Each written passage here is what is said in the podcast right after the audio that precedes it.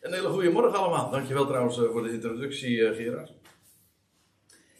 En uh, ja, god, dat is inderdaad wel heel grillig verloop allemaal. Met, zoals Gerard dat zojuist al eventjes aangaf. met niet, niet, alleen deze bijeenkomst, maar ook het louter feit dat ik hier nu sta. Want het is, ja, houden we het inderdaad, zoals zojuist gezegd, maar op win-win. Want ja, de toespraak die ik afgelopen vrijdag heb gehouden, ja, die eh, zou ik op internet zetten. Toen bleek dat ik uh, vergeten was de opnameknop in te drukken. En uh, dus ja. Nou ja, in ieder geval, het komt erop neer dat ik nu deze samenkomst niet expres of apart hoefde te plannen. Want ik kwam gisteren, ik ben dus een hele week in Duitsland geweest. Ik kwam gisteren thuis, nou ja, een uurtje of vijf, zes reizen. En uh, ja, ik zag het niet zo zitten toen ik vernam dat Gerard deze samenkomst annuleerde om nog uh, dat speciaal voor te gaan bereiden. Maar toen uh, dus bleek dat ik afgelopen vrijdag dat die, dat die samenkomst niet opgelopen was. Zeg, dan kan ik het nog een keer doen. En dan heeft dat het bijkomend voordeel, dat is dus dat win-win, dat ik het dan ook op internet alsnog kan zetten. Dus vandaar. En vandaar ook een beetje die rare titel van Epignosis dan deel 3. Want voor jullie is het helemaal niet deel 3. Nou, sommigen hebben misschien het al wel beluisterd of zo bekeken. Ik weet het niet. Uh, maar laat ik, laat ik eventjes, behalve wat Gerard zojuist al eventjes in de inleiding naar voren bracht, nog uh, een paar dingen naar voren brengen. Want ja, als je het hebt over epignosis, deel 3, dan moet je in ieder geval nog even weten waar het dan over gaat. Uh, dat epignosis, dat is een term die nogal eens een keer in het Nieuwe Testament uh, voorkomt. Uh, door heel het Nieuwe Testament heen. En een, het is niet eens, niet eens zo heel makkelijk om daar een uniform, concordant vertaalwoord voor te vinden. Want, maar in alle gevallen, en dat is wel een gemeenschappelijk kenmerk van alle voorkomens, het veronderstelt altijd kennis. Het Griekse woord voor kennis is gnosis. Ik heb het nu even samengevat, het zelfstandig naamwoord en, de, de, eh, en het werkwoord. Maar we noemen dat eventjes uh, overkoepelend dan epignosis. Maar gnosis is dus het woord voor kennis. En epi is een voorzetsel en dat betekent erop. Het letterlijk en figuurlijk is het dus het verondersteld kennis. Vandaar ook dat het vertaald wordt met uh, herkennen. Dat is ook dat als je iets herkent, dat wil zeggen dat veronderstelt kennis. En dan herken je het. Of je erkent het. Dat zijn allemaal woorden die ik nu gebruik, die, waarmee het woord epigrosis, of de werkwoordelijke vorm, uh, wordt weergegeven. Ook met ten volle kennen of met begrijpen. Iets begrijpen moet je het eerst kennen om het ook daadwerkelijk helemaal te vatten en te zien en, en te verstaan. Maar dus in alle gevallen veronderstelt het kennis.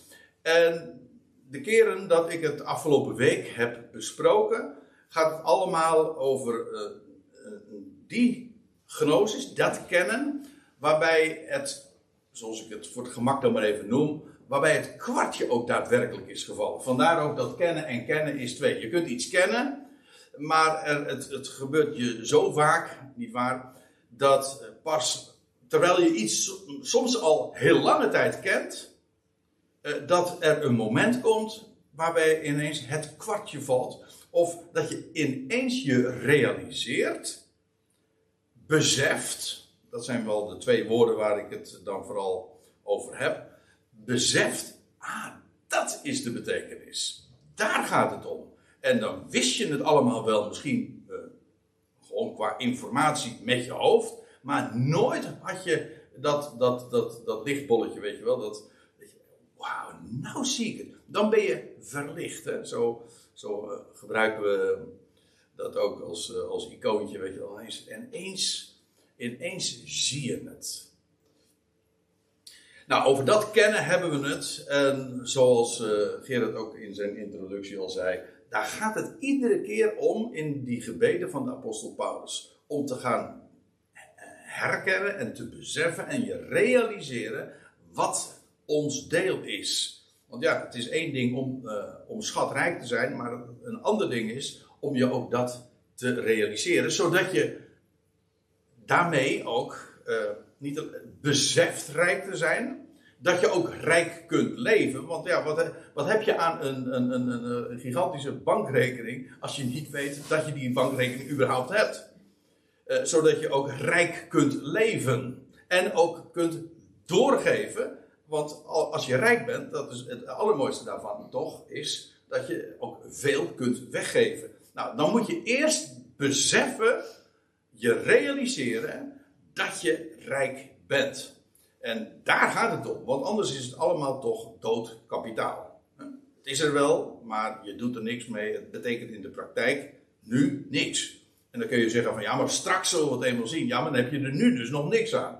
Het gaat erom dat je nu al gaat realiseren hoe gigantisch, want zo durf ik het echt wel te zeggen, hoe gigantisch rijk en onvoorstelbaar rijk we zijn. Oké, nu wil ik dat dus uh, aan de hand van uh, een, een, gebed doen. Heel uitdrukkelijk een gebed van Paulus in Efeze 3. Maar dat blijkt ook wel, want dan begint hij uh, te zeggen met: Om die reden buig ik mijn knieën. En dan gaat hij, dan gaat hij een gebed bidden. Maar ja, dan moet je eerst eigenlijk even weten wat de directe aanleiding is van dat gebed. Want als hij zegt, om die reden buig ik mijn knieën, ja, dan betekent dat dus hij, dat hij refereert aan dat wat hij zojuist heeft gezegd. En nou ja, dan kun je natuurlijk eh, beginnen bij Efeze 1 vers 1 en dan doorgaan tot Efeze 3 vers 14. Maar laat ik het iets directer zeggen. Gewoon dat wat hij naar voren brengt in Efeze 3. Ik wil toch even een aantal dingen dan, daarvan uh, opzommen. En gewoon lezen. Met soms even een korte toelichting daarbij. Hij zegt in Efeze 3 dan dit. In een tamelijk letterlijke weergave. Ten gunste van dit.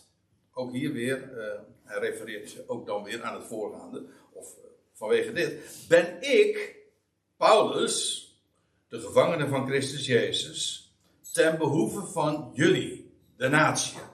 Hij heeft het in dit hoofdstuk over dat wat hem, ik, Paulus, eh, wat hem is ten deel gevallen en hoezo. Hij is een gevangene en in feite zijn gevangenschap staat model voor heel zijn bediening.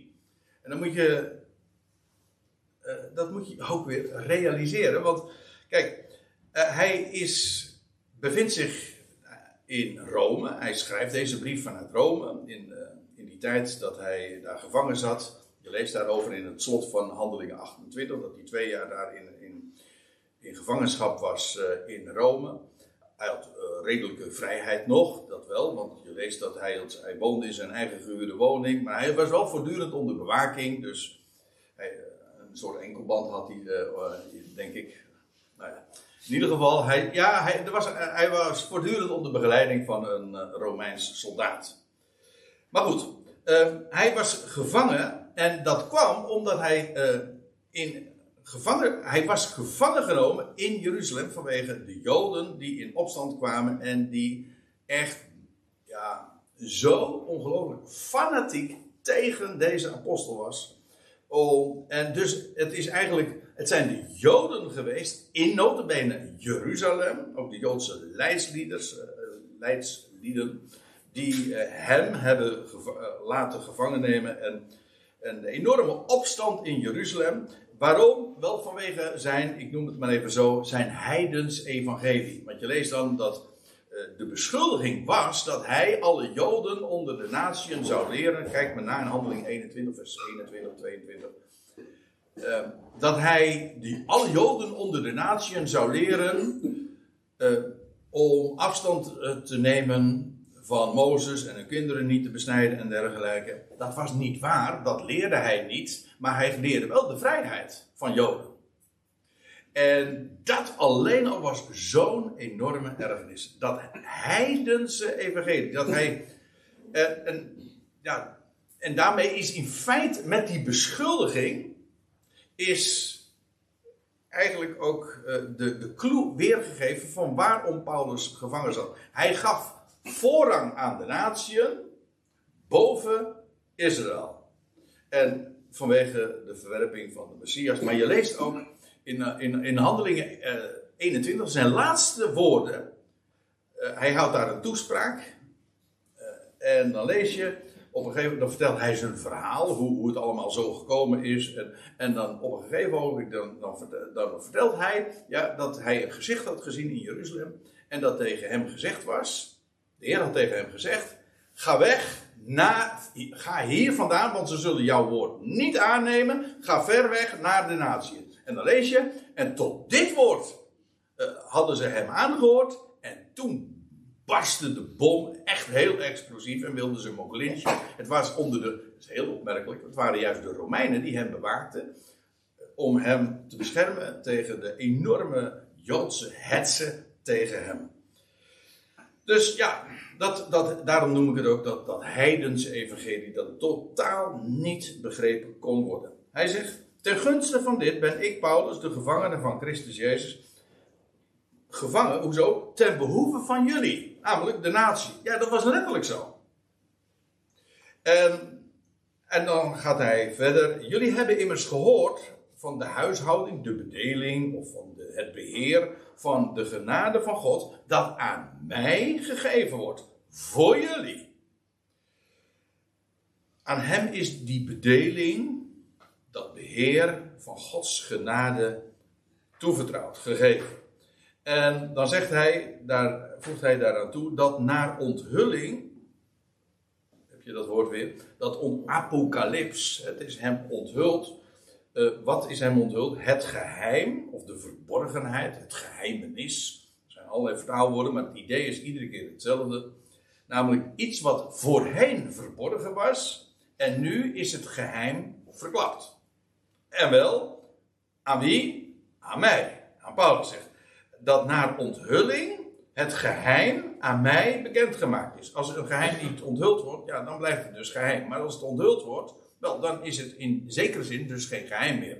Aardigheid is, het blijft een geheim, ondanks het dat het onthuld is. ja, de meeste mensen hebben er geen idee van. En dat moet je ook, ook, het geldt voor ons ook. Als, als, als dit woord niet uh, bij je terechtkomt en als God niet jouw ogen daarvoor opent, dan zie je het nog niet. Oké, dat naar onthulling het geheim aan mij bekendgemaakt is, zoals ik tevoren in het kort daarvan schreef. En ik denk niet zozeer dat hij daarbij alleen maar doelt op de, de voorgaande hoofdstukken, maar ook in de eerdere brieven heeft hij daarover geschreven, maar slechts kort aangestipt. Pas in, vanuit de gevangenis gaat hij voluit uh, uitpakken, zeg maar. Aan mij, ik lees even verder, in, nu in vers 8. Aan mij, de allergeringste van alle heiligen. Het is heel apart als je daar uh, dat eens vergelijkt met diverse andere schriftgedeelten. Hij, hij zegt in 1 Timotheus 1 dat hij de eerste is van de zondaren. In 1 Corinthië 15 zegt hij dat hij de geringste is van de apostelen. En hier zegt hij: Ik ben de allergeringste. Dus, maar juist dat maakt hem ook weer zo'n levend embleem van, van genade. Want ja, genade wil zeggen: het wordt je gegeven om niet zonder dat er enige verdienste aan ten grondslag ligt. Nou, Paulus zegt: Ja, ik, ik heb de gemeente Gods vervolgd. Er is, was geen grotere vijand van de Messias op heel de aardbol, of moet ik aardhol zeggen? Nou ja, ik weet het. Uh, maar in ieder geval, op deze hele, in de hele wereld was er niemand die zo vijandig was ten opzichte van de Israëls Messias als Saulus van Tarsus. Hij was de leider van, de, van die, ja, die beweging die anti de Nazarener was. Oké. En juist hem moest de Heer hebben. Hij moest eerst een vervolger zijn. Hij moest, de, hij moest die grootste zondaar zijn. En juist omdat God zijn genade aan hem gaan, ging zou gaan demonstreren. Ik vind het geweldig om eraan te denken dat uh, als Paulus zegt van ja, uh, wat is het evangelie? Ja, dat is dat, de, dat Christus Jezus gekomen is om zondaren te redden. Nou, als hij nou de eerste der zondaren redt, dan moet, er, dan moet er hoop zijn voor elke zondaar. Nou, dat is precies wat hij vertelt. Hij is de redder van elke zondaar, elk mensenkind. Niemand uitgezonderd. Aan mij, de allergeringste van alle heiligen, werd deze genade gegeven om aan de natieën te evangeliseren. Zo staat het letterlijk. En wat? Wel de, de onnaspeurlijke rijkdom van de Christus. Ik moet het bijzeggen dat als dat hier zo staat, dan is dat niet alleen maar de geweldige rijkdom uh, van Christus, die onnaspeurlijk is. Maar ik bedoel, uh, niet alleen van Christus Jezus, maar als hij het heeft over de Christus, dan heeft hij het over hem die daarboven is, samen met zijn lichaam. En dat is, dat vormt de Christus. Hoofd en lichaam tezamen. En wat ons ten deel is gevallen, dat is, ja, dat, was, dat is rijkdom die onnaspeurlijk was. Dat wil zeggen, dat lees je nergens dat dat geopenbaard wordt in het Oude Testament. Dat was volledig verborgen. Dat de heerlijkheid die de Messias ten deel zou vallen, dat dat een hele gezelschap is dat daarin zou delen. Ook weer om niet. Niet omdat ze dat gezocht hebben, niet omdat ze daarvoor dat verdiend hebben. Het is om niet. Valt je het is een lot uit de loterij. Vandaar ook een lotsdeel. Oké, ik lees nog even verder. Die onnaspeurlijke rijkdom van de Christus. En allen te verlichten wat die huishouding van het geheimenis of van de verborgenheid inhoudt. Aardig dat in vers 2 werd het genoemd de huishouding van de genade. En hier wordt het genoemd de huishouding of de bedeling, het beheer van het geheim. En hij, en hij zou allen verlichten door deze dingen door te geven en vooral ook door ze op te tekenen. Ben ik erg blij mee dat hij het niet alleen maar verbaal heeft gedaan, maar het is ook, het is ook opgenomen, zal, zal ik maar zeggen. Namelijk, ja, niet eh, met de video, maar wel uh, door het uh, vast te leggen. Zodat wij nu, zoveel, bijna twintig eeuwen later, daar kennis van kunnen nemen. Zwart op wit. En hij, zodat het via dat woord ook ons bereikt en zodat wij daarmee verlicht worden. Dat geheim dat verhuld werd vanaf de Ionen in God die het al schiep. De grote schepper van alles. Hij had een geheim en nu is dat onthuld, nu, ik bedoel 2000 jaar geleden, onthuld aan Paulus. En hij heeft het opgetekend en via hem is het bekend geworden. En, uh, en zo mogen wij daar nu dus kennis van nemen. Zoveel uh, jaren later. En dan zegt er dan nog bij, dat is het laatste wat ik dan van het voorgaande wil lezen. Naar het voornemen of naar het plan van de Ionen dat hij maakte in Christus Jezus, onze Heer. God heeft een geweldig plan van tijdperken, van wereldtijdperken.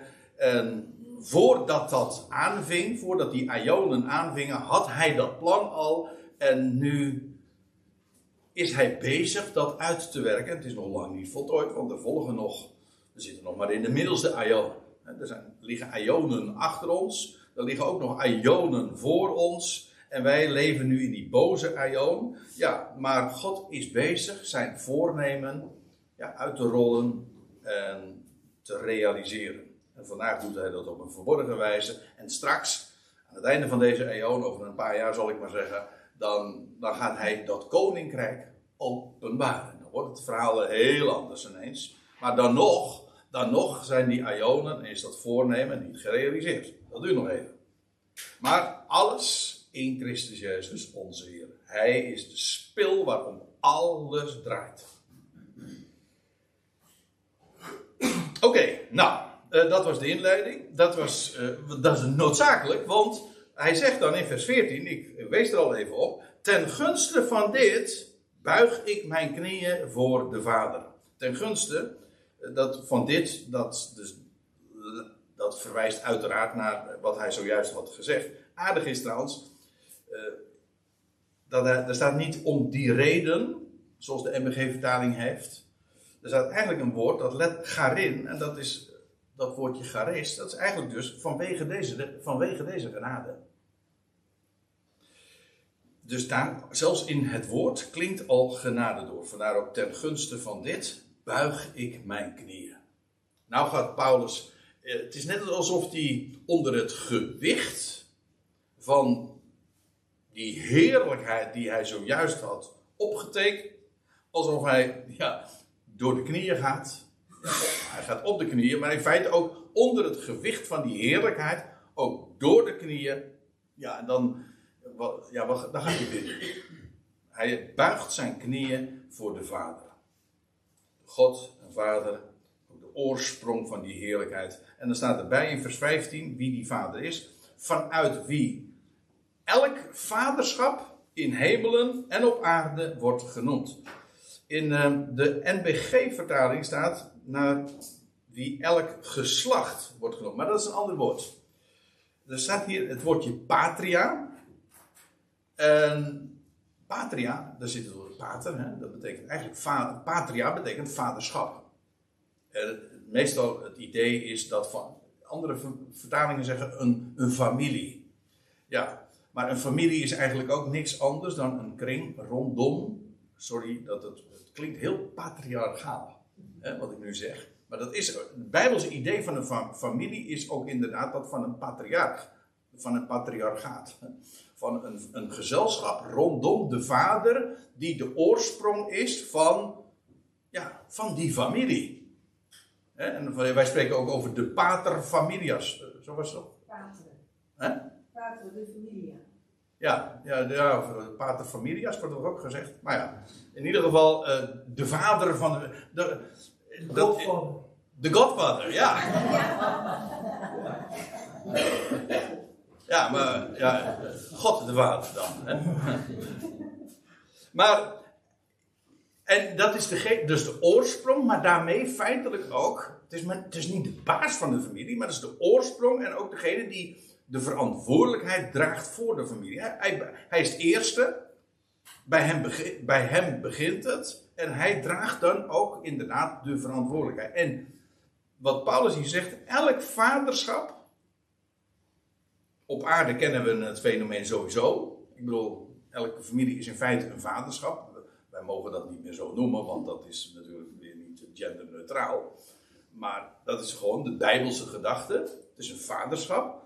En ze zijn er zelfs in de hemelen. Dat, parkeer ik nu even, want hoe, hoe we dat moeten zien, dat is nog een verhaal apart, denk ik. Maar in ieder geval, eh, wat hier, hier staat, is elk vaderschap in hemelen en op aarde wordt naar hem genoemd. En ik vind het aparte hiervan, is dat meestal wordt het tegenovergestelde beweerd. Namelijk, dan wordt het zo voorgesteld, ik heb dat in het verleden ook vaak zo, zelf zo gedacht, van ja, wij noemen God vader, maar dat is eigenlijk een metafoor op, van het, wij, kennen hier het vaderschap. En waarom noemen we God vader? Wel omdat wij, om daarmee de vergelijking te maken. Hè? Het, het, in feite is het dus zo dat dat wat wij kennen als vaderschap, dat projecteren we dan op God. En Paulus zegt, nee, het is precies omgekeerd. Wij noemen God, wij noemen God niet, geen vader omdat wij hier het begrip vaderschap kennen en we denken van hé, hey, dat is wel een, een, mooie metafoor voor, om, om God te benoemen. Nee, hij is het origineel, hij is de vader en het vaderschap dat we hier kennen, dat is afgeleid van en een projectie van, eh, van het origineel. Dus hij is de vader. Niet zijn vaderschap is een projectie van ons vaderschap, het is precies omgekeerd. Hij is het model, het origineel. En elk vaderschap, ongeacht waar dan ook, uh, wordt genoemd naar hem. Hij is, is trouwens een prachtige gedachte als je eraan aan denkt dat, ja, als je wil weten wat vaderschap is, dan moet je dus naar hem kijken. God houdt van zijn schepping. Hij heeft het voortgebracht, hij is de vader en hij, zijn liefde, we komen daar straks vanzelf nog op, uh, is onvoorwaardelijk. Dat is ook, dat is ook vaderschap. Oké. Okay. Kan maar één de eerste zijn. Sorry? Kan er maar één de eerste zijn. Er kan er maar één de eerste zijn. Ja, precies. En dat is hij. Ja. Opdat hij, jullie, vers 16, opdat die vader, opdat hij, Paulus buigt zijn knieën, dus en, en de, naar de vader, en nou dat had hij zojuist eh, even nog kort toegelicht. Hoezo? Wel, opdat hij jullie zou geven naar de rijkdom van zijn heerlijkheid. En hier zie je dus weer dat, dat, dat, dat fenomeen van opdat hij jullie zou geven. Zeg, we hebben toch alles al? Ja, dat is ook zo. Maar waar het nog wellicht aan ontbreekt, is dat je alles hebt, maar dat je dat ook daadwerkelijk zou gaan verstaan. En dat is waar Paulus elke keer weer voor zijn knieën buigt of bidt en vraagt. En eigenlijk, ik denk dat er geen, geen beter voorbeeld is om te na te volgen als dat. Ik bedoel, wij bidden zo heel gemakkelijk voor allerlei aardse omstandigheden en er is niks mis mee. Maar de aardigheid en het bijzondere vind ik toch altijd dat je dat bij Paulus niet vindt. Als het gaat om de aardse omstandigheden, is het altijd zo dat Paulus ervan uitgaat, hij heeft het ook moeten leren hoor, mijn, dat God zegt, mijn genade is jou genoeg. Ik geef je alles wat je nodig hebt. En dus danken we hem voor alles. En in alles. Als je weet dat zijn weg altijd, ook hier in het aardse, altijd namelijk, de beste is, dan kun je hem dus altijd danken. Hij geeft me wat ik nodig heb. Even voor de goede orde, dat betekent dus niet dat je dat niet, niet voor aardse dingen zou mogen vragen, want we mogen al onze wensen bij hem bekendmaken. Maar als, je er nou, als het er nou helemaal om gaat, het gaat er niet om dat het niet mag. Het gaat erom, je mag weten, zijn weg is de beste en dus kun je hem altijd daarvoor danken. Wat je, waar je hem voor zou vragen en waar je je dus naar zou uitstrekken, dat je ook werkelijk gaat zien en verstaan en begrijpen met je hart hoe geweldig rijk je bent. En ja, ik zou het zeggen, dat is, uh, dat is de beste tip. Volg, laten we ook hierin Paulus navolgen. Elke dag dit voor elkaar en ook voor onszelf. Degenen die je lief zijn te bidden. Dat je dat echt mag gaan verstaan opdat hij jullie zou geven naar de rijkdom van zijn heerlijkheid. Die vind ik mooi.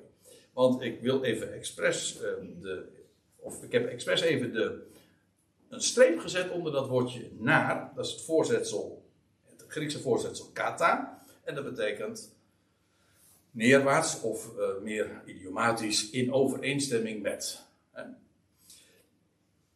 Er staat hier naar opdat hij jullie zou geven naar of in overeenstemming met de rijkdom van zijn heerlijkheid. Hier staat dus niet het voorzetsel uit, opdat hij zou jullie zou geven uit de rijkdom van zijn heerlijkheid. Hoewel dat op zich een hele logische gedachte zou zijn, want als God geeft, eh, dan geeft hij ons uit zijn rijkdom van heerlijkheid. Dat is waar. En toch, er is een, een verschil. En eh, het mooiste voorbeeld, en ik heb het wel vaker gebruikt, maar ik blijf hem mooi vinden. En, uh, kijk, je hebt een steenrijk iemand. Noem, iemand als Bill Gates of Elon Musk. Oké, ze zijn de allerrijkste van deze wereld. Als, als Elon Musk op de straat loopt en hij ziet een bedelaar en hij geeft hem 10 euro. Ik noem maar wat. Dat is trouwens een royale gift voor, om zomaar aan een bedelaar te geven. Maar oké. Dan geeft hij hem uit zijn rijkdom. Maar stel je voor dat Elon Musk die bedelaar zou geven naar zijn rijkdom. Dan is die bedelaar in één keer geen bedelaar meer. Maar is hij zelf ook steenrijk. Want ik bedoel, die kan, uh, Elon Musk die, uh, die je hoeft niet eens eh, moeite te doen om, om, om eventjes een miljoen euro, als hij dat op staat ziet te liggen, op te rapen. Want hij kan beter doorlopen, want dan verdient hij namelijk veel meer nog. Ik wil, hij, hij merkt het niet eens dat hij een miljoen opraapt. Of weggeeft. Zie je, wij, de God die wij kennen, dat is de God die alles bezit. Hemel en aarde, al het goud, al het zilver, alle rijkdom die je maar kan bedenken. Ja, hij is de creator daarvan. Dus alle rijkdom bezit hij, alle heerlijkheid. En als hij gaat geven aan ons, niet alleen maar uit zijn rijkdom, dat spreekt nogal voor zich. Want je kan alleen maar iets weggeven als je het zelf bezit en dus daar uitgeeft. Maar, ja, zo zeggen we het ook, uitgeven. Maar ook uh, naar zijn rijkdom geeft. En dat is in overeenstemming. En dan word je. Uh, dus uh, zo'n zo voorzetsel is eigenlijk al heel veelzeggend. God, Paulus, dat zie je eigenlijk, eigenlijk tussen de regels door, komt dat zo duidelijk ook uit de verf. Paulus kende een geweldig rijk woord, een geweldig rijk God. En hij heeft ook een hoge verwachting van God. Anders had hij niet gezegd naar, maar had hij gezegd uit. Hij verwacht dus van de God voor wie hij zijn knieën eh, buigt, of voor de Vader waar hij zijn knieën voor buigt. Hij verwacht dat hij ze gaat geven in overeenstemming met de rijkdom van zijn heerlijkheid. Alsjeblieft. Oh, en wat dan wel? Wat, wat geeft hij dan wel? In kracht gesterkt te worden. En dat uh, met kracht, dat wil zeggen, dat, dat Griekse woordje dyname, dat betekent, ik blijf uh, het graag zeggen, dat, daar is ons woordje dynami, dynamiet van afgeleid. En dat betekent, het stelt, je in, het, het stelt je in staat tot. Het is vermogen. En hij geeft kracht en dat sterkt ons. Je wordt daardoor krachtig gemaakt. Hoe dan wel? Wel, dat doet hij door zijn geest. Hij deelt dat wat hij weet met ons. Hoe doet hij dat? Nou, gewoon eigenlijk op dezelfde wijze dat ik nu eigenlijk ook dingen aan u doorgeef. Er zijn dingen in mijn geest die ik denk, die ik overweeg. En hoe komt dat bij u terecht? Wel, doordat ik mijn woord, dat ik spreek. En zo komen de dingen in mijn, van mijn geest in uw geest terecht. Dat, is, dat heet communicatie. Dat is, eh, je wisselt woord. En dat en met, maar met woord geef je ook gedachten weer. Dat is geest. Je ziet dat niet. Geest betekent ook, eh, je ziet het niet. Het onttrekt zich aan het oog. Maar het laat zich wel verstaan. Met recht. Oké, hij sterkt ons in kracht. Hoe doet hij dat? Door zijn geest. Lees woord. Want dat is, woord en geest is gewoon synoniem.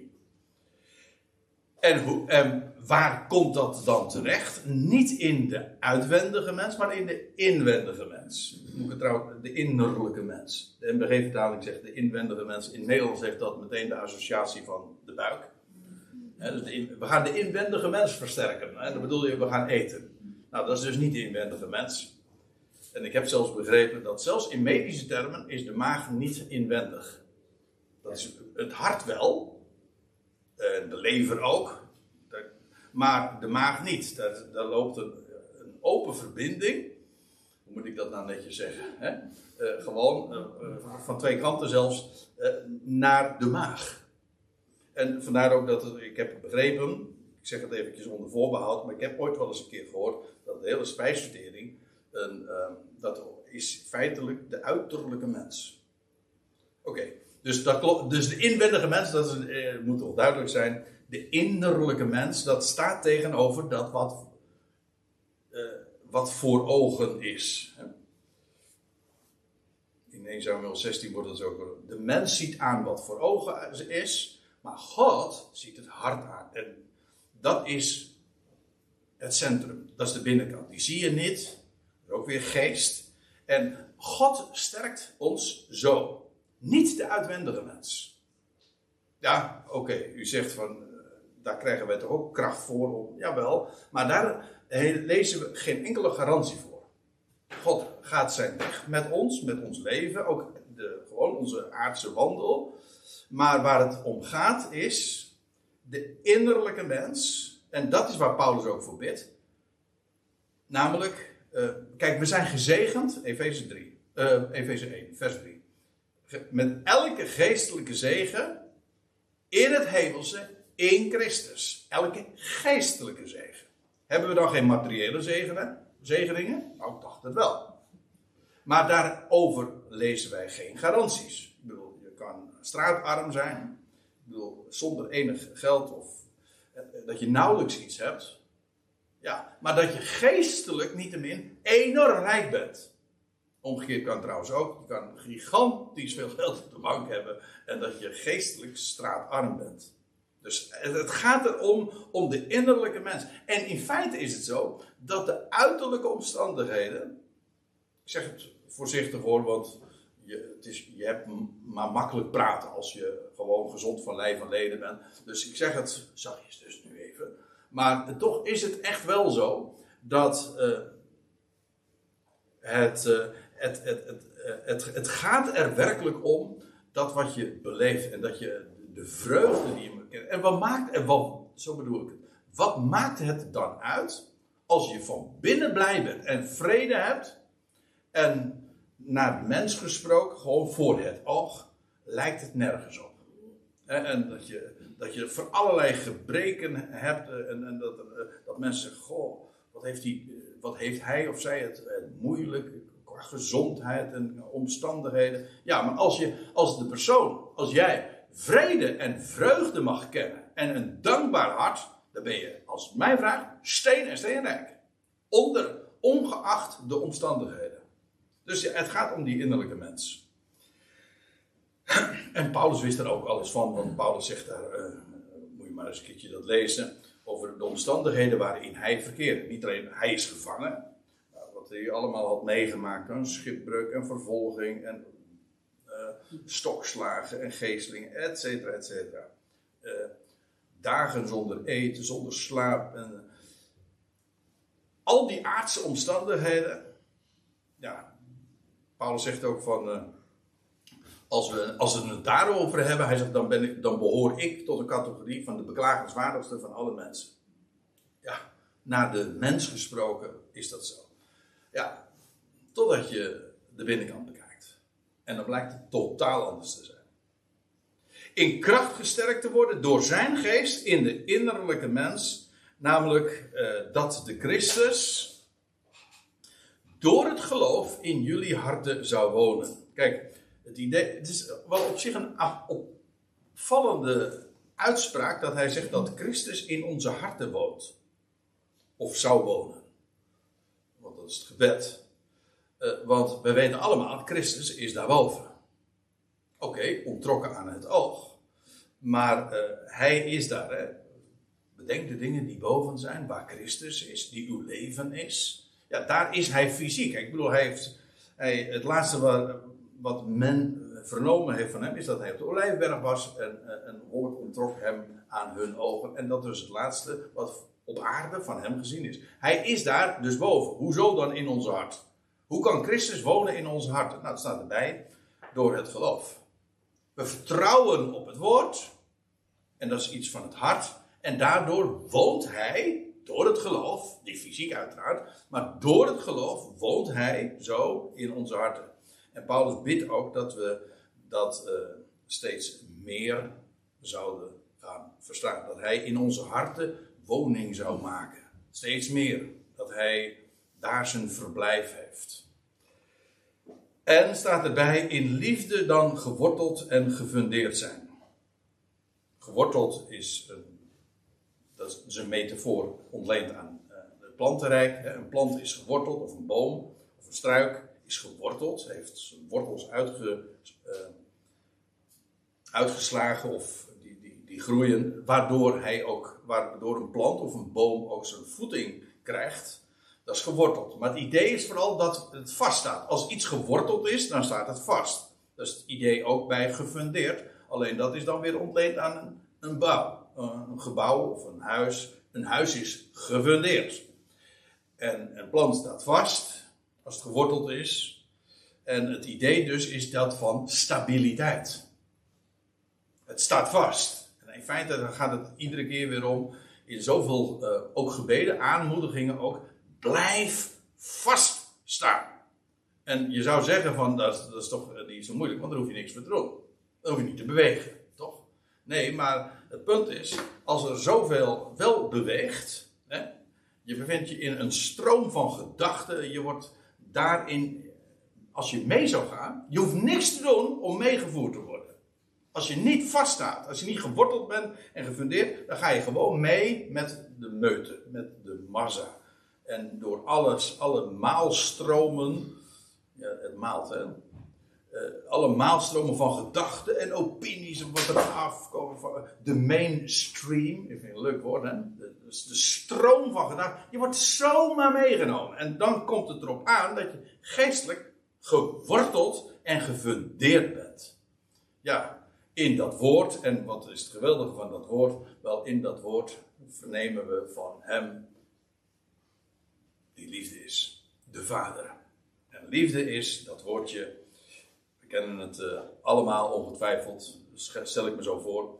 Uh, dat is dat woordje agape. En het de essentie van AKP is dat het onvoorwaardelijk is. Je hebt lief. Ja, waarom?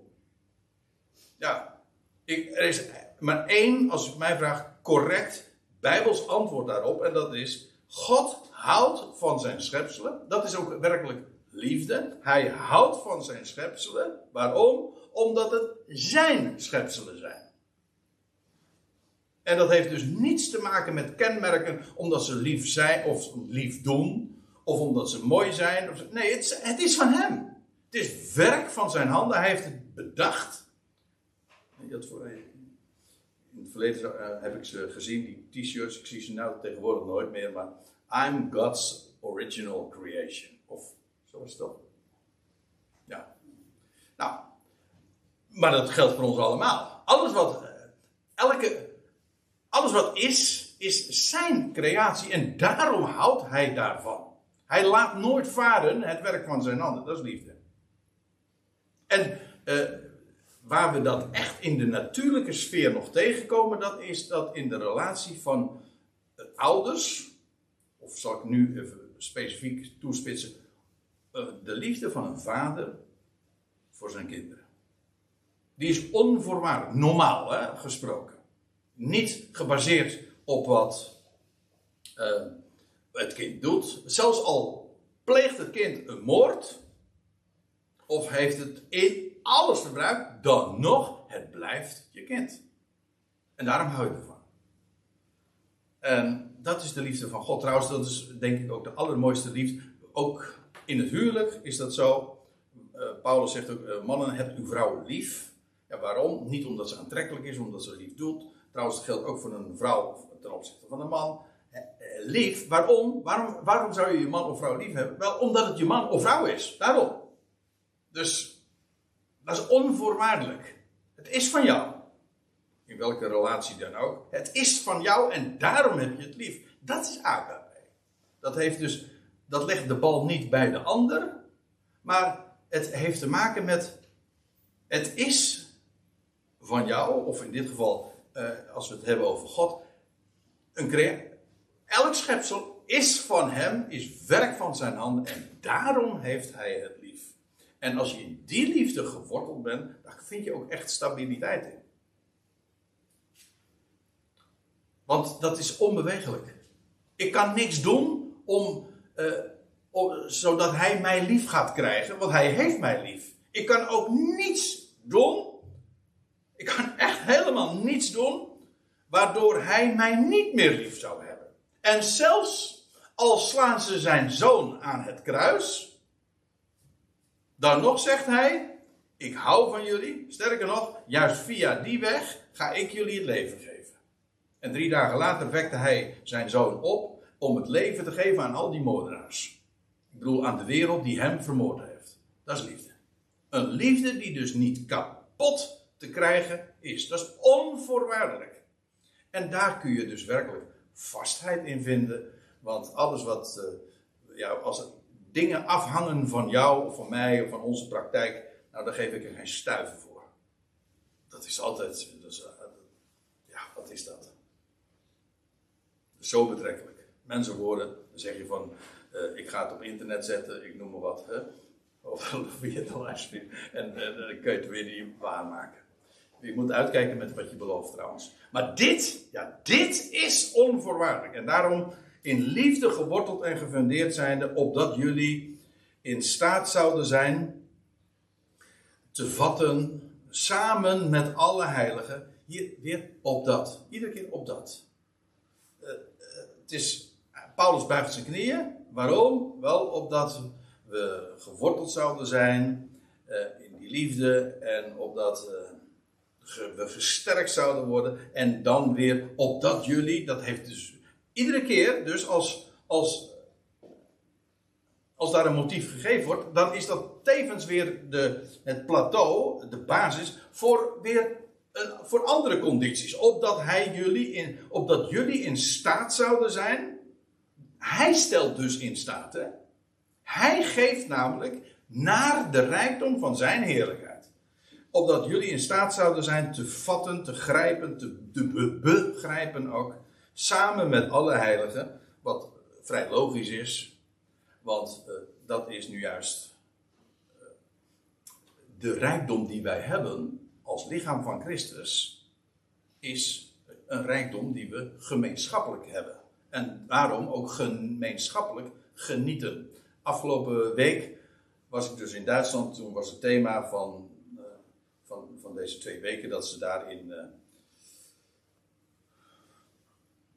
Engelsbach, zo heet het ja, Oost-Duitsland uh, verblijven. Dat had als al, algemeen thema genieten. En toen, ja, ik ben altijd nogal van de, van de woordjes en van, van de etymologie en zo. En toen hebben we ook gezien, ik heb dat toen ook betoogd, dat het woordje genieten, dat heeft te maken, als je kijkt er maar in, na in de, in de woordenboek, als je iets geniet, dan krijg je iets. Ik geniet een inkomen, ik noem maar wat. Hè? Dan krijg je dat, dan ontvang je dat. Dat is één. Maar genieten heeft etymologisch ook alles te maken met uh, genoten. Een genoot. Hè? Een echtgenoot is, is iemand met wie je samen iets gebruikt hè? of deelt. Echt, een echtgenoot of een deelgenoot of wat heb je nog meer. Nou ja, uh, ja je kent ook. Ik ken ook de uitspraak van dat. Uh, als je. Hoe was het ook alweer? Dat. Uh, genoten. Oh ja, echtgenoot, dat is, het, dat is de verleden tijd van echt. Genieten, ja. Nee, de, de verleden tijd van echt genieten is echtgenoot, ja. ja, nou, dat is een. Een woordspeling, ja. ja. Maar uh, laat ik even serieus. Uh, dat heeft iets te maken met wat je samen hebt. Dus genieten, dat doe je juist samen. Want we delen deze dingen. We zijn deelgenoten, lotgenoten. Paulus zegt trouwens in Efeze 3 ook. Dat wij, uh, hoe het? Deelhebbers, deelgenoten zijn van het lot van Christus. Samen met alle heiligen en wat zou bevatten wat de breedte en de lengte en de hoogte en de diepte is. Eigenaardig genoeg zegt hij daar niet bij wat bij het benoemen van deze dimensies, lengte, breedte, hoogte, diepte, uh, wat we dan zouden gaan vatten. Ja, de breedte, lengte, hoogte en diepte, maar van wat dan? Ja, ik denk gewoon waar hij het zojuist over heeft, namelijk over de geheimenissen van God. En er is een hele mooie tekst in de schriften verborgen, waarin dat feitelijk wordt toegelicht. En ik neem je mee naar uh, Job 11. Ik lees het even voor uit de MBG-vertaling. En daar staat dit, het begint met een retorische vraag. Kunt gij de geheimen van God doorgronden? Hé, maar over de geheimen van God, daar hebben we het nu over. Een geheim kun je nooit doorgronden, tenzij je het wordt onthuld tenzij het je verteld wordt. En dan staat de vraag: kunt gij de geheimen van God doorgronden, de Almachtige doorgronden ten einde toe? En dan staat er: ze zijn hoog als de hemel. Hoogte heeft te maken met de hemel. Dus dat is niet zo gek. Hoog, hoog, hoog als de lucht, de hemel. Dan kijk je naar boven. En dat is dus waar Christus nu is. En, moet ik erbij zeggen, waar wij ook met hem gezeten zijn. Hij is geplaatst in het hemelse en wij, wij ook. Wij zijn deelgenoten van dat lot. Zij zijn hoog als de hemel. Dat wil zeggen, de, die geheimenissen, waar, waar Paulus het over heeft. En Job stelt nog de vraag, ja, we kunnen dat niet doorgronden. Nee, het is ook onnaspeuren. We speuren het ook niet na. Het is ons onthuld. Het is niet door, door, door, doordat wij gaan zoeken dat wij erachter gekomen zijn. Nee, het, het, is ons bekendgemaakt. En Paulus zegt ook: Het is mij onthuld en ik, en ik geef het je door. Wel, en dan, als je dat eenmaal gezien hebt, dan kom je tot de ontdekking dat het hoog als de hemel is. Wat kunt je doen? Dieper dan het dodenrijk. Dus dan ga je. Uh, het is in feite dezelfde dimensie. Je gaat van hoog, maar je kan ook naar omlaag. En hoe diep kan je dan zakken naar het dodenrijk? En, maar dat is precies de plek waar hij, hij, die nu daarboven is, heeft zich, hij is tot het uiterste verhoogd nadat hij tot het uiterste zich vernederd heeft. Hij heeft, heeft zich vernederd tot de dood, ja, tot de dood van het kruis. Zo diep is hij gedaald. En dan, langer dan de aarde is hun maat.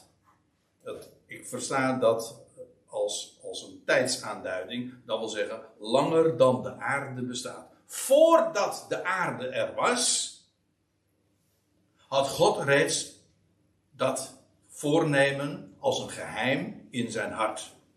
En trouwens, nadat deze aarde uh, inmiddels plaatsgemaakt heeft voor een, voor een nieuwe aarde, maar deze aarde er niet meer is, dan, uh, dan nog is dat geheimenis daar. En realiseert God dat voornemen der Aionen. Dus met recht, het is langer dan de aarde. En breder zijn zij dan de zee. Hé, hey, maar dat is opmerkelijk. Dat betekent dus dat we ze alle vier hier op een rijtje hebben. Want de zee, dat, moet je, dat weten de meeste van jullie wel. De zee is een type van de volkerenwereld, de volkerenzee. Zo, zo spreekt het boek Openbaring daar ook over. Wel, de geheimenissen Gods zijn breder dan de zee. Hoog, hoog, hoog als de lucht. Diep, diep, diep als het ogenrijk. Wijd, wijd, wijd als het waterblauw. Maar het is zelfs wijder. Het is meer dan de volkerenzee, want zijn liefde is universeel voor al zijn creaties. Dus inderdaad, breder zijn zij dan de zee. Dus het opmerkelijke is, als het gaat over die geheimenissen Gods, die, die, die vier dimensies die Paulus noemt, die vinden we dus gewoon al terug in de schriften. En in feite wat Paulus doet, hij, hij maakt duidelijk, daar gaat het over. En dat we dan samen met alle heiligen dat gaan vatten. Dat gaan genieten. Ja. En te kennen de liefde van de Christus, ik lees verder, die de kennis overtreft. Dat, in feite is dat tegenstrijdig, want je zou kunnen zeggen van hoe kun je nu iets kennen dat de kennis overtreft. Uh, ik denk het idee is, we kunnen het slechts ten dele kennen. Het gaat namelijk de kennis hè, te boven. Kijk, epignosis is, het veronderstelt kennis, maar we hebben het nu over iets dat de kennis te boven gaat. In zekere zin dus ook uh, epignosis. Het woord wordt hier niet gebruikt, maar het overtreft de kennis. Dat wat uh, we slechts, we kennen het slechts ten dele, omdat uh, het valt niet te kennen. Zo groot, zo wijd, zo hoog, zo breed, zo diep, zo hoog. Het plaatje dat ik erbij heb ge, gezet, dat, daarmee bedoel ik uh, te illustreren dat, kijk, zo'n kind kan naar de zee toe lopen met een emmertje. En dan is dat emmertje gevuld met de oceaan. Maar zit de oceaan dan in het emmertje? Nee. Het emmertje is wel gevuld met de oceaan. Nou, zo is het ook met, we kunnen, de, we kunnen gevuld zijn, vol zijn, zelfs overvloeiend zijn van de liefde van Hem, van de liefde Gods in Christus. Jawel, maar dat wil niet zeggen dat je het omvat. Bij lange na niet. Never nooit. Juist dat vind ik zo geweldig, want ik denk al, over, over, over de dingen waar we het over hebben, daar kun je nooit de grootste over denken. Je kan nooit zeggen van ja, maar je overdrijft nou de liefde Gods.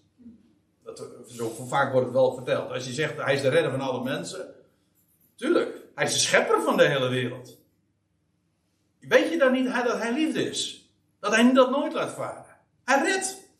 Dus niet, ja, als jij het aanneemt, het is geen aanbod, het is gewoon een mededeling. Soms het ook een mededeling is dat hij jouw schepper is. Ja, maar als het niet aanneemt, is hij dan niet meer je schepper of zo? Wat een dwaasheid. Hij is, jou, hij is jouw schepper. Geloof het of niet, maar dat is hij. En hij is jouw redder. Geloof het of niet, maar dat is hij. En dat betekent, hij gaat jou redden. Oké, dat kwartje valt nog niet uh, bij iedereen. Sterker nog, het valt bij bijna niemand. En vooral degenen die het zouden moeten horen en zouden moeten doorgeven. Dat zijn de grootste tegenstanders. Maar goed, daar, uh, dat is een ander onderwerp. Het overtreft de kennis. Opdat jullie vervuld worden. Ik lees gewoon weer verder in. Opdat jullie vervuld worden tot, al de, tot in al de volheid van God. En die volheid van God, waarvan weten we, die woont in Christus lichamelijk. Ik lees even het Colossense 2 voor. Er staat, want in hem, dan gaat het over Christus, woont al de volheid van de Godheid lichamelijk. En jullie hebben in hem volheid verkregen. Ik denk dat dat, dat lichamelijk is dubbelzinnig. Want het slaat dat, de, dat de volheid van de Godheid in hem lichamelijk woont. Dat, daarvan kun je zijn lichaam, ja, dat is dat lichaam waarmee hij werd opgewekt. Toen de steen werd weggerold. En nu woont de volheid van de Godheid in hem lichamelijk. God is alles in hem. Ooit, eh, laat ik het zo zeggen. Ooit was het God. eh, was alles in zichzelf. Toen de, de schepping er nog niet was, was God alles in zichzelf. Nu is hij alles in zijn zoon. En het eind van het einddoel van God is dat hij alles wordt in allen. Maar hier is het nog, de volheid van de Godheid woont in hem lichamelijk. En dat is dus inderdaad in Christus Jezus, die daar nu boven is, maar ook de Ecclesia, die zijn lichaam is. Vandaar ook dat wij in hem de volheid hebben gekregen. Dat is een proces in zekere zin, want straks als we lichamelijk, ik bedoel fysiek ook eh, eh, aangepast zullen zijn, zal ik maar zeggen.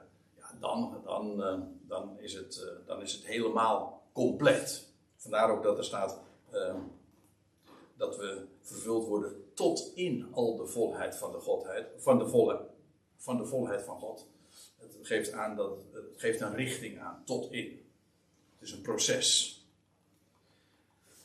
Aan hem, dat is het eh, laatste vers, geloof ik. Nou, nee, nog niet. Oh god, ik moet echt een beetje opschieten, sorry.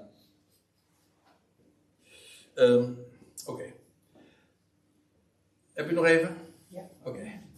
Het is wel mooi, dit? Ik vind het geweldig om aan deze dingen te, te denken. Oké, aan hem, dat is, in feite sluit Paulus daar wel, wel mee zijn gebed af. eh, met een lofprijzing. Aan hem die bij machten is. Meer dan overdadig te doen, boven alles wat wij bidden of denken. Over superlatieven gesproken, Ik, ik zei al zo eh, eerder van, hij geeft naar de rijkdom van zijn heerlijkheid. Daar denk je altijd te gering over. Maar weet u wat ik zo geweldig vind? Eh, het, het hangt helemaal niet van, van ons af. Het gaat er niet om ons vermogen, waartoe wij bij machten zijn. Oh nee, ons, ons vermogen, of nee, laat ik het nog anders zeggen. Ons onvermogen is een feit. En don't worry about it. Waarom? Hij, hij, is bij machten. En daarom kijken we ook omhoog. Dat is ook wat een mens is. Hij, hij moet omhoog. Kijk omhoog. Van hem heb je te verwachten. En laat ik u dit zeggen: van hem verwacht je altijd te weinig. En hij geeft naar, naar, zijn rijkdom, de, met kracht gesterkt worden, die inwendige mens. Nou, aan hem die bij macht is. Want je zou je de vraag kunnen stellen, maar zulke gebeden te bidden, en dat we samen met alle heiligen en die, de hoogte, breedte, dit is toch, niet. Nee, wij kunnen dat ook niet, maar hij wel. Want hij is bij machten te doen, en moet je opletten. Dus eh, het, gaat vier keer er nog overheen. Dat is superlatief, hè, heet dat. Hij is bij machten niet alleen te doen, maar om alles te doen. En dan, nee, sterker nog, hij is bij machten te doen boven alles. Niet alleen alles doen, maar boven alles doen. Nee, het is nog sterker, hij is bij machten boven alles overdadig te doen. En zelfs dan houdt het nog niet op, dan zegt hij boven alles meer dan, over, meer dan overdadig te doen. Dus eh, als Paulus, ik vind het al heel, hij is bij machten te doen. Nee, Paulus zegt hij is bij machten alles te doen. Hij is bij machten boven alles te doen. Hij is bij machten alles overdadig te doen. En zelfs dat is nog niet genoeg, dan zegt hij meer dan overdadig. Nou, dat vind ik inderdaad wel overdadig. Ja. Het geeft gewoon aan dat we hebben het over een God bij wie geen limits zijn. Nou, over die hebben we het. En van die God hebben we te verwachten. Aan hem die bij macht is meer dan overdadig te doen. Boven alles wat wij bidden of denken. Want ja, Paulus bidt nu. Hè, en dan zeg je, goh, maar dat kunnen wij niet. Nee, hoeft. Ziet u, dat vind, ik, het heerlijke van het evangelie. Ik, als je het woord doorgeeft, verwacht je niks van de mens. Je vertelt gewoon wie hij is. En dat is de, dat is de mededeling. Geloof het. Of niet, maar het blijft waar. En dat is het geweldige. En, en niets van de mens, alles van hem. Het is naar de kracht, oftewel uh, betreffende de kracht die inwerkt in ons. Dan zegt Paulus, dat is het laatste vers. Aan hem de heerlijkheid. Aan hem betekent gewoon, aan hem komt het toe. Of aan hem behoort die heerlijkheid. De heerlijkheid die wij nu kennen in, in, in de Ecclesia of in Christus Jezus. Aan hem de heerlijkheid in de Ecclesia en in Christus Jezus. Tot in al de generaties van de Aion van de Ionen. Amen. Nee, ik, sorry, ik, zeg nog, dit is geen afsluiting. Van Paulus nu wel. Maar ik wil eerst nog eventjes wat zeggen over dat in al die generaties. Want uh, we hadden het er al even over dat ja, Gods plan is nog lang niet gerealiseerd. Hij is, het werk is nog bezig. Daarom moet je nooit Gods, Gods werken nu beoordelen. Van, uh, hoe kan hij liefde zijn? Hè? Want kijk eens om je heen. Ja, maar Gods, je mag Gods werk pas beoordelen als het af is. Dat zegt, elke kunstenaar zal dat ook beamen. Je gaat niet een boek beoordelen als, als je nog maar een paar bladzijden uh, gelezen hebt. Of als je een film nog maar halverwege ziet, ik vind het geen goede film. Kijk hem eerst nou eens af. En, en dat is, uh, uh, en, het is, het is geweldig zoals Paulus dat ook laat zien. Hè, er, gaan nog ionen volgen. En, en uiteindelijk de, je, het eindigt in de, de hoogste aion, de aion van de aion. Dat is ook weer zo'n overtreffende trap. Dus je hebt de koning der koningen. Dat is de meest overtreffende koning. Of je hebt de heer der heren. Of de god der goden. Of het heilige der heiligen. Of het lied der liederen. Het is een typisch Hebreeuwse taalvorm. Uh, Oh ja, nee, ik ben in de war nu met een andere. Maar dat is meer de Nederlandse, de tocht der tochten. Dat is ja. de. Zou ik ook zeggen. Ja. ja, maar die komen we in de Bijbel niet tegen, geloof ik. De tocht der tochten. Nee, maar dat is wel een overtreffende. Van alle tochten is dat de meest overtreffende. Nou, dit, Paulus heeft het over, nu over de Aion van de Ionen. Dat is, ik denk, hetzelfde als wat hij in Efeze 1, vers 10 noemt: de volheid van de tijden. Als alle tijden zijn vervulling gaan vinden, gecompleteerd worden, waarin alles gerealiseerd wordt. De hoogste, meest overtreffende aion. En dan zegt Paulus, tot in al de generaties, waarin strikt genomen mee gezegd is, dat in de aion van de aionen de generaties nog doorgaan. En eh, eerlijk gezegd, ik heb het donkerbruine vermoeden. Ik zeg het met enige voorzichtigheid, maar je leest in, in, in Psalm 105. En uh, mensen met een Revo-achtergrond die weten heel goed uh, waar ik het nu over heb. Want het wordt dan altijd bij uh, de, de, besprenging van een zuigeling zo benoemd. Hè? En dan wordt, er, dan wordt er het lied gezongen, Psalm 105, vers 5, O beruiming. God zal zijn waarheid nimmer krenken, krenken, maar eeuwig zijn verbond gedenken. Ik ken hem nog uit mijn hoofd hoor. Nou ja. ja, het is alweer een poosje terug. Tot in het duizend. geslacht. Ja. Tot in het duizendste geslacht, ja. ja. En, God en dat gaat het over het verbond met Het gaat over het verbond dat God sluit of heeft gesloten met Abraham. En dat verbond zal hij bevestigen. Was trouwens ook onvoorwaardelijk. En dat zal hij bevestigen tot in het duizendste geslacht. Ga er nou even vanuit dat een geslacht 40 jaar duurt. Hè? Je, je, leest dat het geslacht in de woestijn, uh, dat die generatie, uh, die mocht niet het beloofde land in. 40 jaar moest het in de woestijn blijven. Een geslacht is 40 jaar. Oké, dat betekent dus dat als je uh, begint te rekenen van Adam, pardon, van Abraham tot Christus, dat is 2000 jaar. Dat zijn dus 50 generaties. 50 keer 40 is 2000. En dan vanaf Christus tot aan het begin van het millennium, dat is weer 2000 jaar. U zegt ongeveer, nou prima, oké. Weer 2000. En we weer 50 generaties. Er zijn er nog maar. In 4000 jaar tijd zijn er nog maar 100 generaties. Nou ja, nog maar. 100 generaties. Hè. Zal maar zo oud worden. Maar er zijn er 100 generaties voorbij gegaan sinds Abraham. Dat betekent dat er dus vanaf het einde van deze aion, of het begin van het millennium, dat er nog 900 generaties te gaan zijn, alvorens het duizendste geslacht bevestigen, dat God zijn verbod kan bevestigen in het duizendste geslacht. U zegt van ja, maar dat is poëzie. Oké, dan gaat het niet op. Maar als het letterlijk is, En ik denk dat er alle reden toe is om het inderdaad letterlijk te nemen. Dat er dus, dan krijg je het millennium, dan heb je weer 25 generaties. Dus het millennium duurt namelijk duizend jaar, dat is wat millennium betekent. Heb je, en dat betekent dat er dan nog, dus na dat millennium. Of nee, laat ik dan zeggen, als er, nog, als er nu 100 generaties gepasseerd zijn, dan zijn er nog 900 generaties te gaan. Dat zijn 36.000 jaren. Als het millennium eraf trekt, dus 35.000 jaar. Dus die Aion is in die zin alleen al qua tijdslengte overtreffend. Behalve dan nog wat God in die Aion gaat realiseren. Want dan wordt ook, uh, dat is ook de laatste Aion waarin Christus zal heersen. En dan wordt God ook uh, alles in alle, want hij doet de dood teniet. Dat zal allemaal gerealiseerd worden in die Aion der Aion.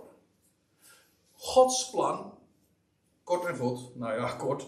Uh, sorry. Hij is wel goed. Ja. Niet kort, wel goed.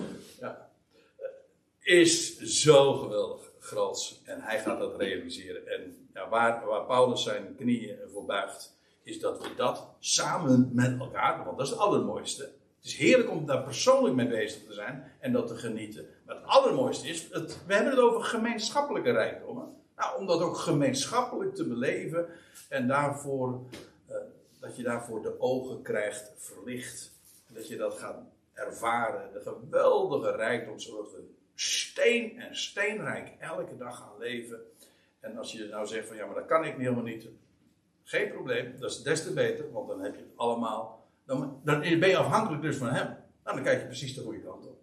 En dan gaat het maar om. Dus, nu zeg ik dan toch eindelijk Amen.